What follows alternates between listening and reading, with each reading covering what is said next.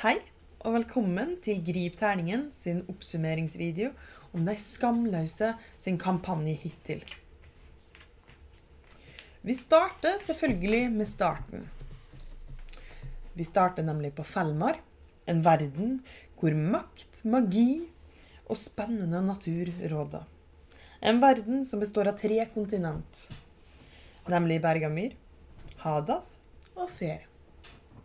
Bergamir med sine store handelsmuligheter, store byer og myter om gamle trusler. Hadath med sin ekstreme varme, store sanddyner og livsfarlige jungler. Fær, hvor vårt eventyr starter, rommer store fjell, ustabilt vær og bortglemte makter med de store og små øyene sine.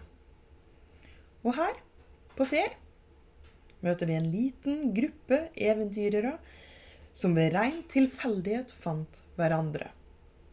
Historien om de skamløse starter i en by kalt Sinja.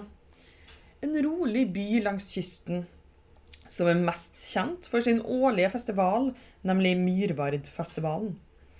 Her møter vi fire eventyrere, som for øyeblikket er helt ukjent for hverandre sky på himmelen, en tabaksi paladin, som befinner seg på Sinja som en del av sin trening som spire for Gullarmeen.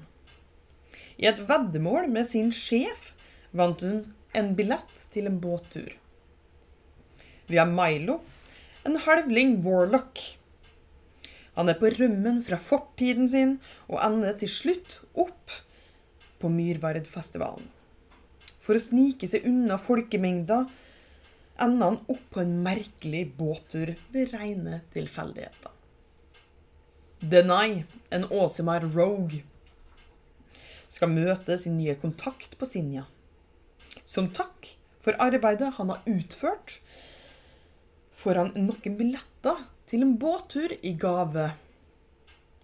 Og sist, men ikke minst, så har vi Dougley.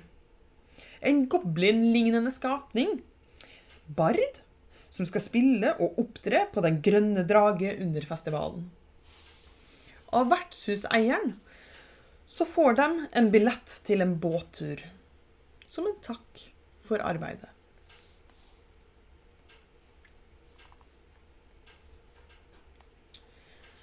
Men denne båtturen er ikke helt det vanlige. På veien til båtturen møtes disse fire og med Douglas pågangsmot blir et sterkt vennskap smidd de neste dagene.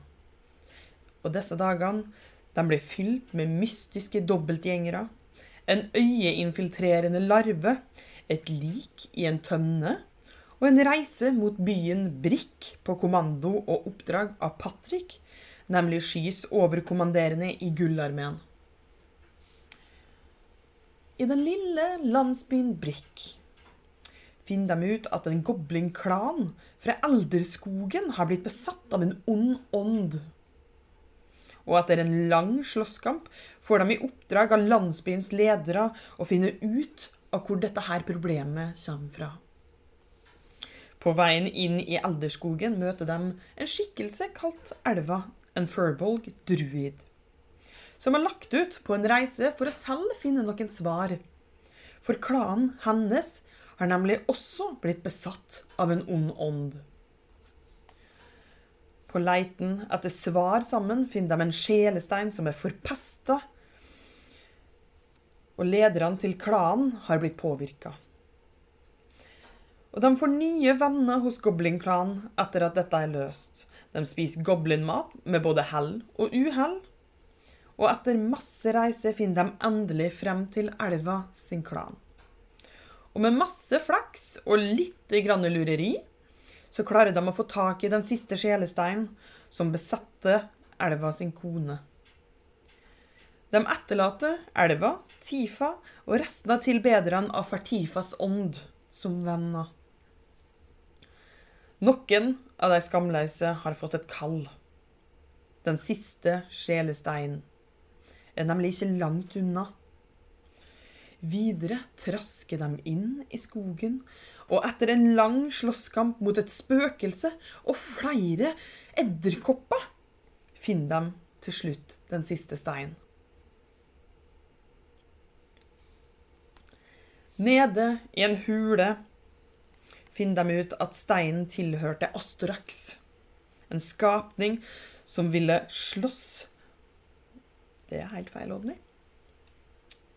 Nede i hula finner de ut at steinene tilhørte Astorax, en skapning som ville forevige sjelen sin, og fordelt på flere steiner slik at han aldri kunne dø. De sloss mot denne svake skapningen og klarte til slutt å drepe han. For å komme seg ut av dette, denne hula så sto valget mellom en teleporteringssirkel teleporteringssirkel aktivert av en merkelig stein, en portal, som fører til det ukjente, eller å bare ta trappa opp. De skamløse de tar selvfølgelig sjansen på teleporteringa, og vips, så befinner de seg i et tre som har utsikt over en stor by kalt Grasjak. Milo må innrømme at Grasjak er hans hjemby, som nå er i krig. Sky lærer Denai hvordan man skal respektere de døde, og Dougley plukker småting fra bakken som kanskje kan ha en verdi. I hvert fall en sentimental verdi for Dougley. De roter seg gjennom kloakken og finner en sjelden edelstein kalt Grasjaks blå øye. De skamløse må ta på seg oppdrag for å hjelpe byen og for å hjelpe Milo sine bekjente. Milo må også stå til ansvar for de tinga som han gjør, gjorde før han rømte, og stemninga er anspent. Sky lærer at hun noen ganger kan se syner når hun ber til guden sin Nula, og hun ser noe fra fortiden sin som hun lenge har lett etter info om. Dougley lærer at det finnes noen som kidnapper slike som Sky, for å stjele pelsen deres.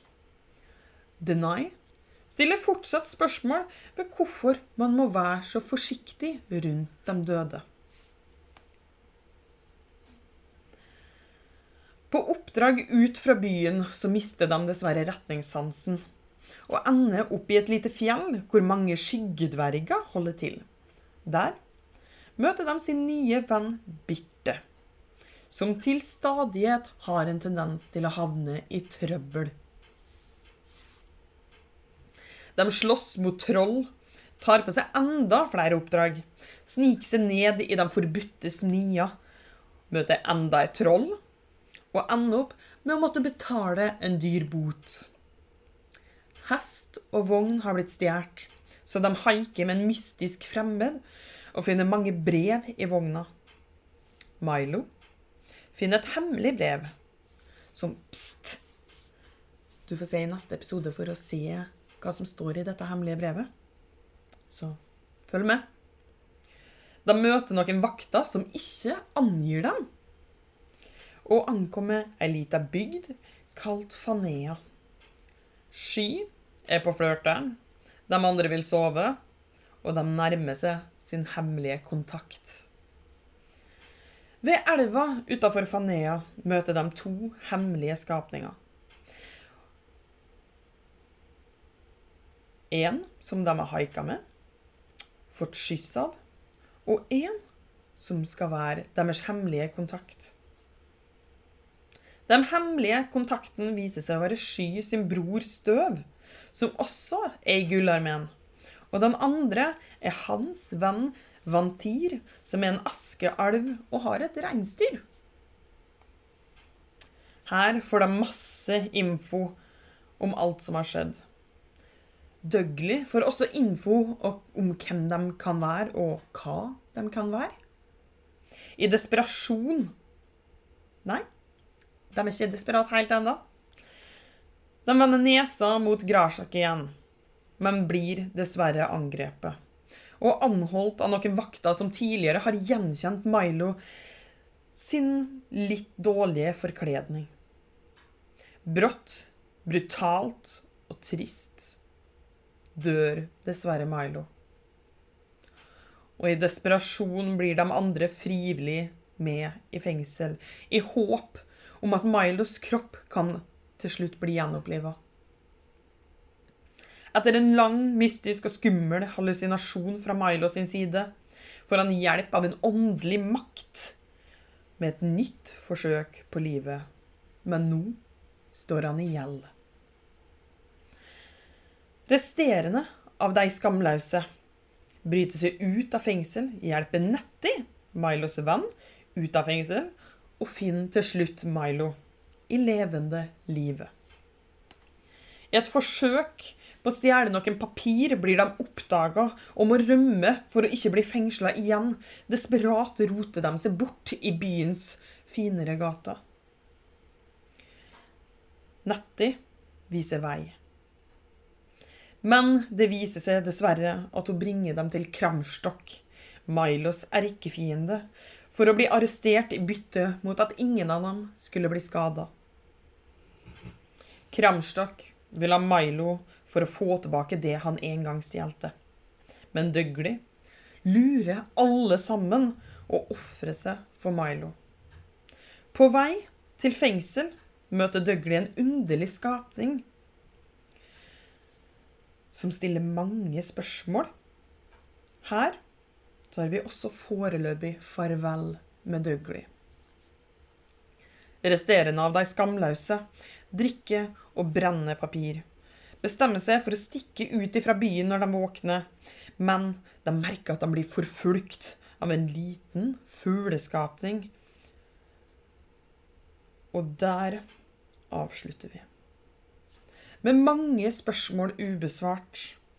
Hvem er denne fuglen? Kan de noensinne tilgi nettet sitt svik? Kommer de noensinne til å se stakkar Dougley igjen? Snart har du sjansen til å finne ut i hvert fall deler av alt dette her. Alle spørsmål som gjenstår.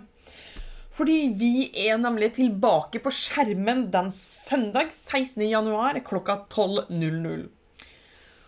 Og vi i Grip terningen vi håper selvfølgelig at du har hatt en god jul og et riktig godt nyttår. Og vi ses snart, og kanskje i litt andre omgivelser. Vi snakkes.